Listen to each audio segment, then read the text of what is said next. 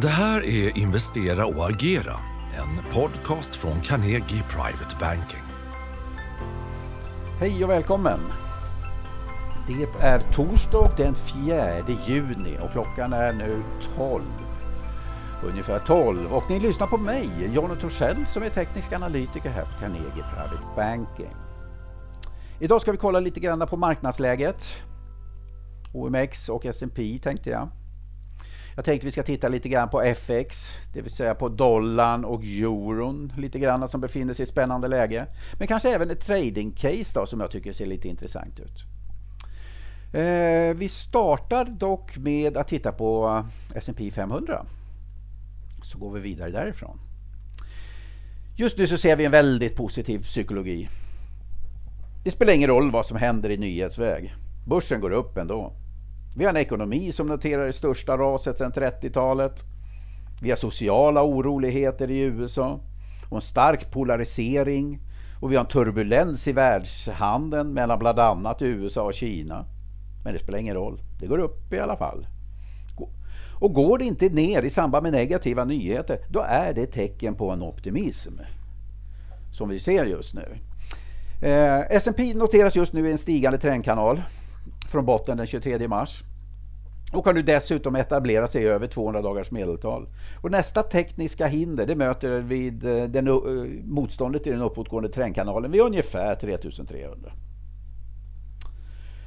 Eh, förutom nu att eh, index börjar bli kortsiktigt överköpt så har jag egentligen inga tydliga signaler eller indikationer som visar att index har toppat. Det, det är först om eh, S&P med tydlighet skulle bryta under 2900 som en säljsignal effektueras. Det vill säga där den uppåtgående trendkanalen punkteras. Men fram till dess det sker så råder alltså upptrend nu på medellång sikt. Eh, I mars, efter att eh, index då hade fallit med 30 procent på, på någon månad här i stort sett under coronakrisens nedgång här. Så trodde jag att börsen skulle eh, studsa upp med kanske 10-20 procent eller något sånt där. Men jag trodde inte på den här starka återhämtningen, det, här V-botten nu som vi tenderar att få just nu. Jag trodde att, att index skulle studsa upp 10-20 procent och sen vända ner och, och göra en återtest av den senaste botten. Men det här har inte skett och det har förvånat mig lite grann. Men vad betyder det då att Wall Street är så optimistiskt medan Main Street är pessimistiskt? Det här gapet kommer att täppas igen. Hur? Hur då kanske du frågar?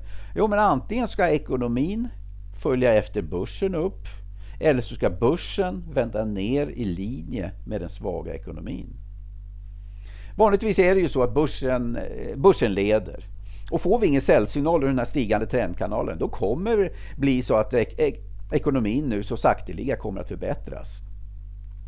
Eh, den, kommer att, den kommer att bottna här nu under Q2 och sen kommer, kommer vi att se lite förbättringar.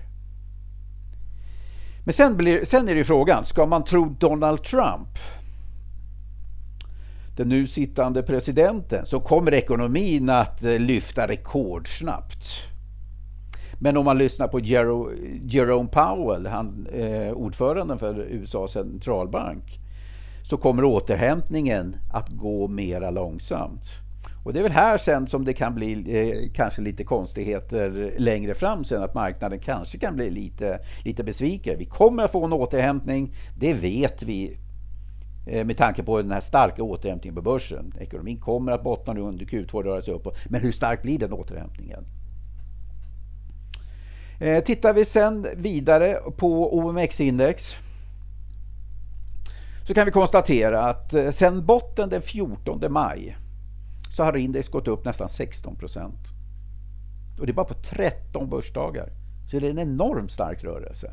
Sen botten den 23 mars när index noterade sin lägsta stängning i coronanedgången så har index på bara 48 börsdagar gått upp med 32 procent.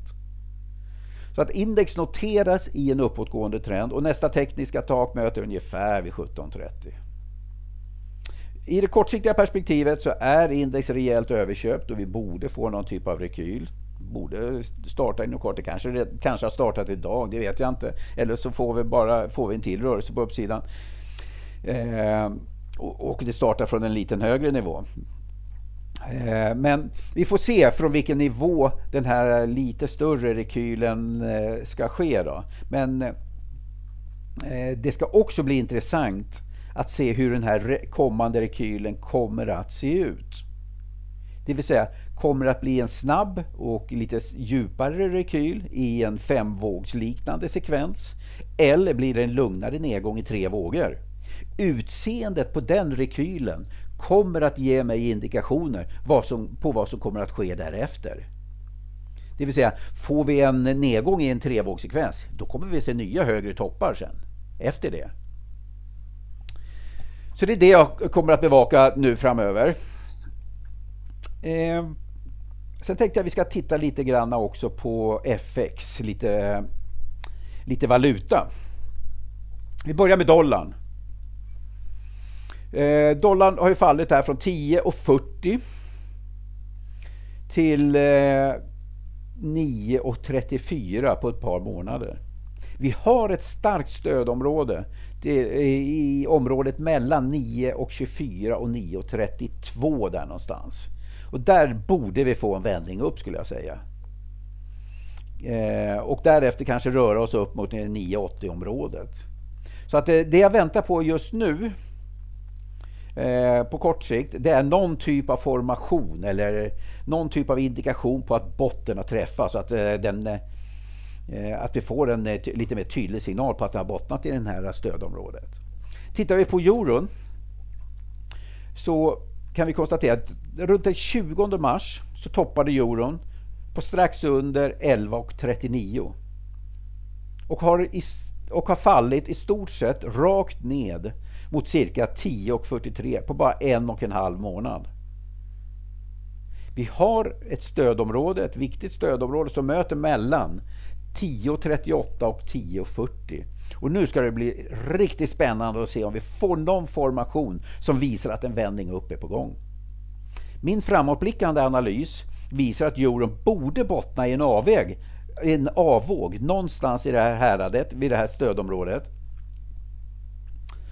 Eh, och om den analysen är riktig så borde vi få en uppgång i en B-våg. kanske mot 1080 nivån eller något sånt där under de kommande en till tre månaderna.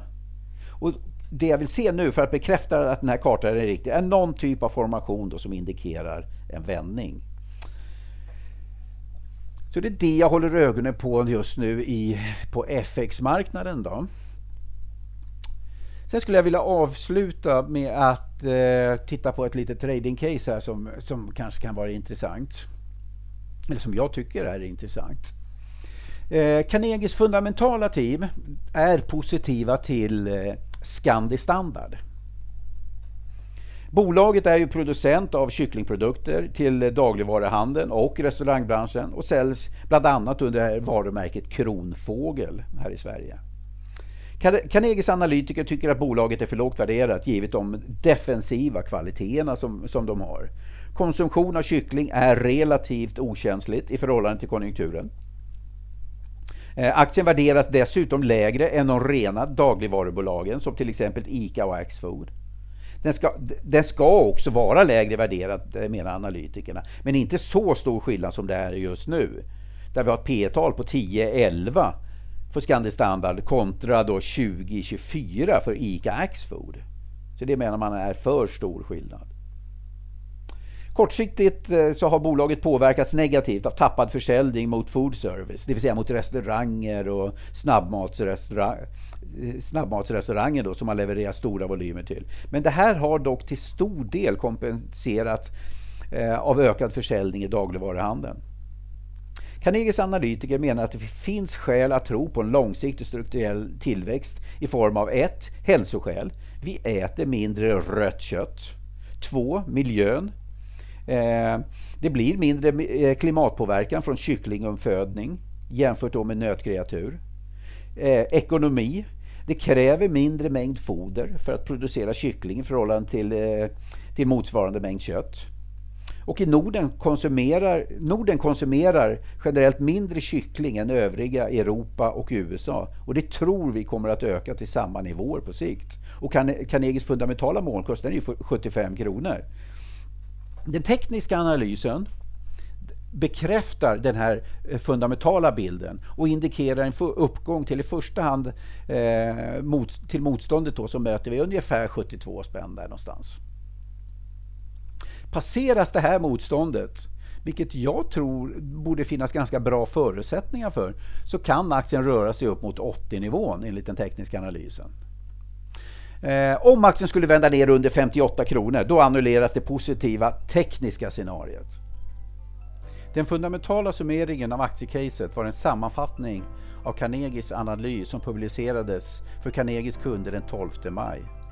Mer information om aktien finns länkat i beskrivningen till den här podden. Historik och underlag kan du få eh, ut genom att mejla mar information carnegie.se Så det var det jag hade för nu. Eh, ta gärna kontakt med din rådgivare eller aktiemäklare för råd i hur du bör agera i din portfölj. Tack så mycket för att du har lyssnat. Vill du veta vilka aktier och investeringar vi tror på? Du som ännu inte är kund kan beställa en provportfölj på carnegie.se privatebanking så sätter vi ihop en rekommenderad portfölj för dig.